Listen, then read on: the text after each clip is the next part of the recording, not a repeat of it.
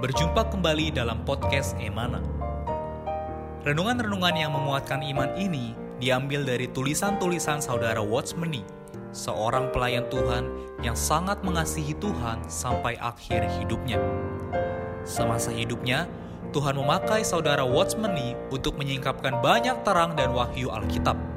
Di antaranya adalah mengenai salib, mengenai Kristus sebagai hayat, juga mengenai kesatuan tubuh Kristus.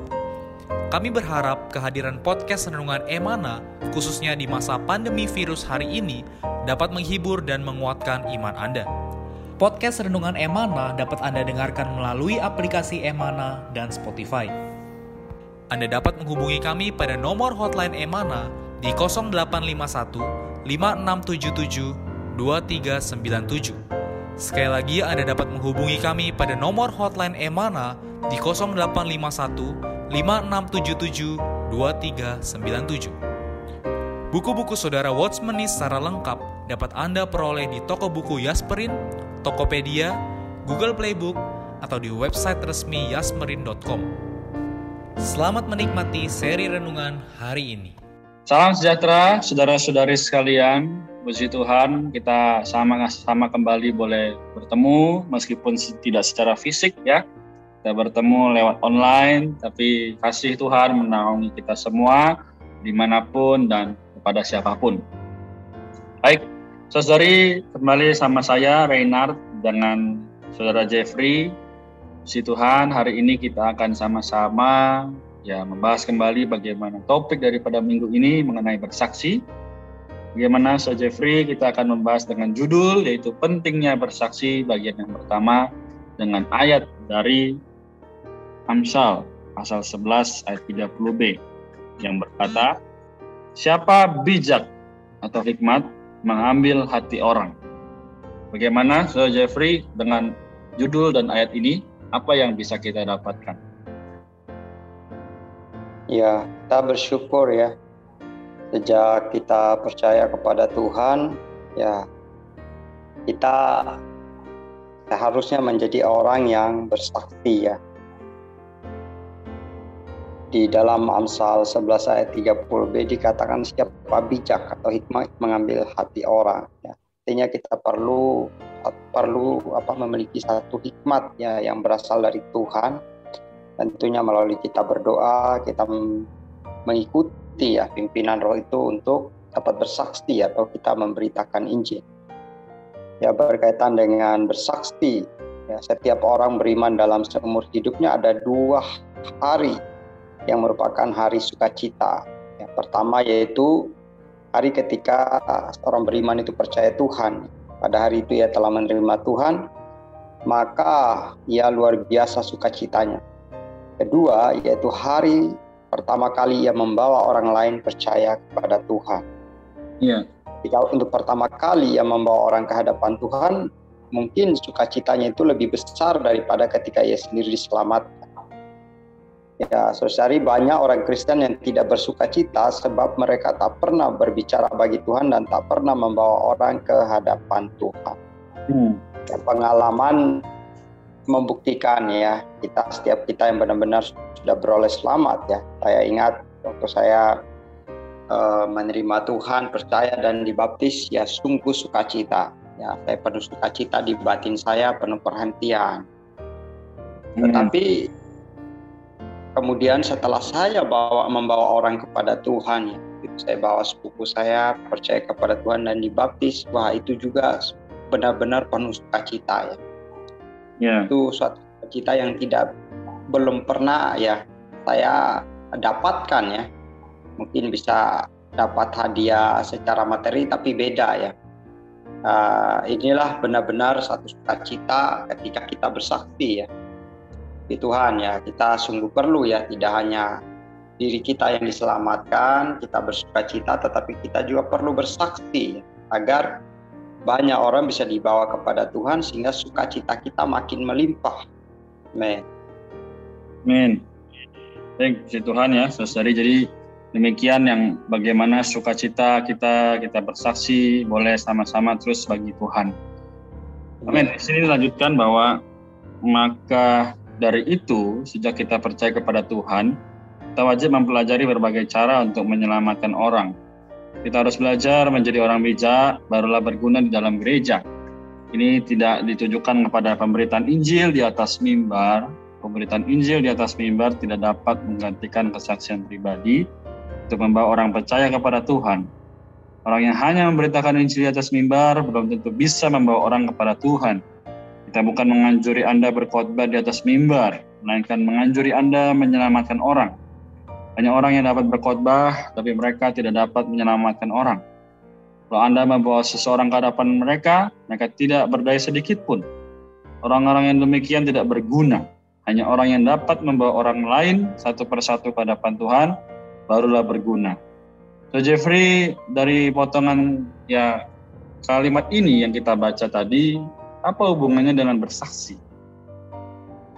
Ya, sejak kita percaya Tuhan, kita belajar bersaksi ya.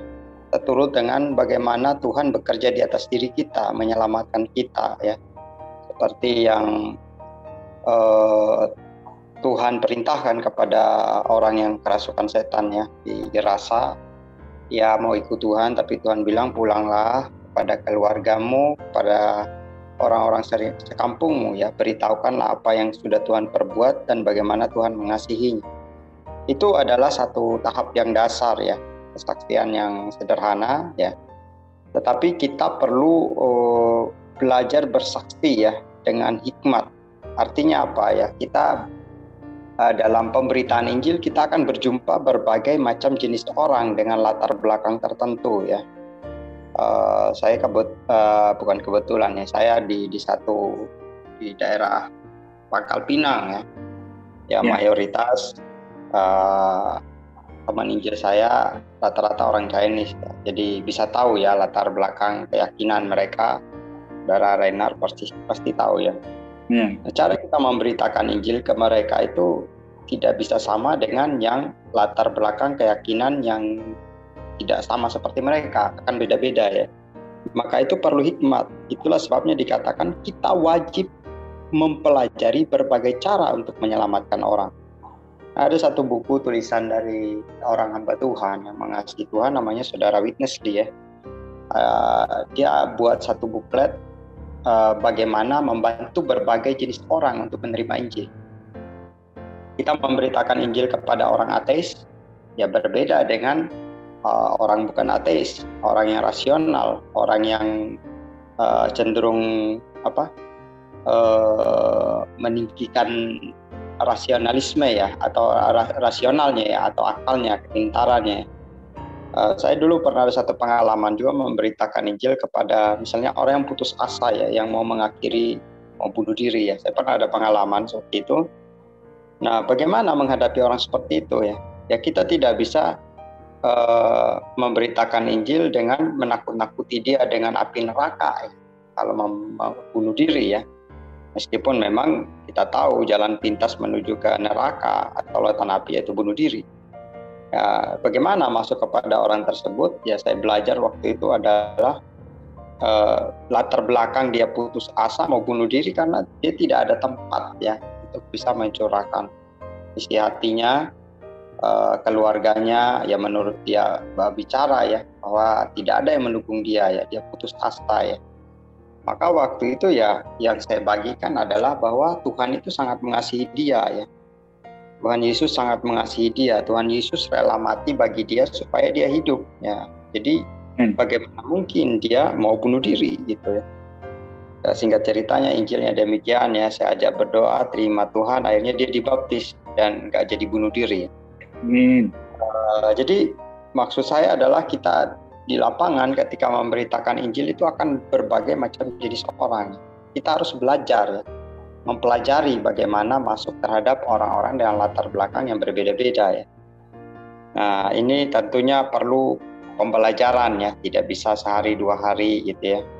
Perlu kita terus belajar melalui memberitakan. Ya. Sebenarnya eh, apa tadi yang saya singgung yang dari buku yang saudara uh, seorang saudara yang mengasihi Tuhan Witness Lee itu sebenarnya uh, dia belajar dari bagaimana Yesus ketika hidup di bumi memberitakan Injil ya. ya ketika Yesus berjumpa dengan Sakeus uh, dengan dengan dengan pemungut cukai ya. Kemudian berjumpa dengan uh, wanita yang amoral ya. Dia berbeda berbicara ya. Jadi tidak selalu sama cara pembicaraannya ya nah kemudian pemberitaan Injil kita itu uh, bukan mengandalkan mimbar ya. Undang orang datang terus dengar satu orang bicara ya. Itu tidak begitu efektif ya. Paling baik adalah satu orang apa kita secara pribadi ya. Berjumpa orang memberitakan Injil itulah yang paling baik ya.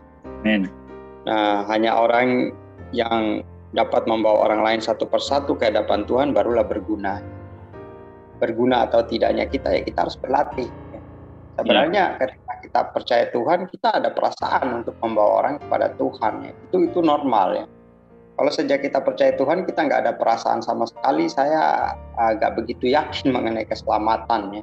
Di atas diri uh, orang-orang tertentu yang mengalami demikian ya.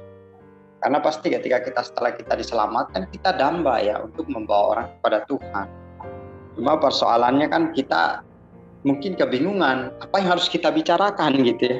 Iya. Uh, maka yang paling sederhana adalah ya kita bicarakan bagaimana Tuhan bekerja di atas diri kita.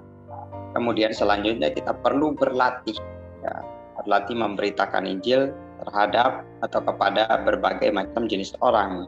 Amin. Amin. Si Tuhan ya, jadi betul sangat baik juga sungguh amat menyimpulkan dan kembali juga uh, menerangi saya, saudara-saudari apa yang tadi Saudara Jeffrey sudah sampaikan.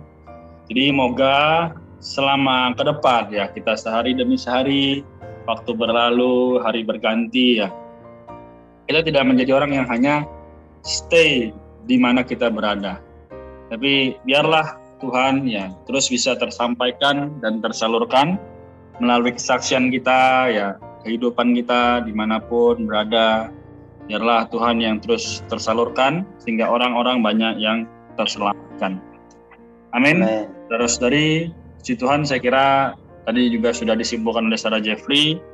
Karena itu apakah bisa saudara mendoakan kita? Amin. Puji Tuhan kita satu dalam doa. Tuhan kami sungguh bersyukur ya Tuhan Engkau mengingatkan kembali kepada kami betapa pentingnya kami bersaksi. Tuhan sungguh perlu banyak orang diselamat. Masih banyak orang yang sedang berjalan menuju kepada kebinasaan Tuhan, biarlah kami yang sudah diselamatkan bangkit, oh untuk memberitakan Injil, untuk bersaksi bagaimana Tuhan telah menyelamatkan kami, Tuhan mengasihi kami juga mengasihi mereka. Oh Tuhan juga bimbing kami Tuhan bersandar pada dirimu Tuhan sebagai sumber hikmat kami hmm. dalam memberitakan Injil. Kami belajar Tuhan memberitakan Injil kepada berbagai jenis orang ya dengan hikmat yang berasal daripadamu. Tuhan, kami damba membawa lebih banyak orang kepada Tuhan. Hmm. ketika kami berjumpa kelak dengan di kepada dengan dikau ya Tuhan, kami tidak berjumpa dengan hampa tangan. Oh Tuhan Yesus, terima kasih. Berkati Tuhan kami semua. Di dalam nama Tuhan Yesus kami berdoa. Amin. Amin. Puji Tuhan. Baik, terima kasih Saudara Jeffrey, terima kasih saudara-saudari Ya, Tuhan Yesus memberkati kita semua. Sekian podcast Renungan Emana hari ini. Kami akan kembali pada seri berikutnya. Anugerah dari Tuhan Yesus Kristus dan kasih Allah dan persekutuan Roh Kudus menyertai kita semua.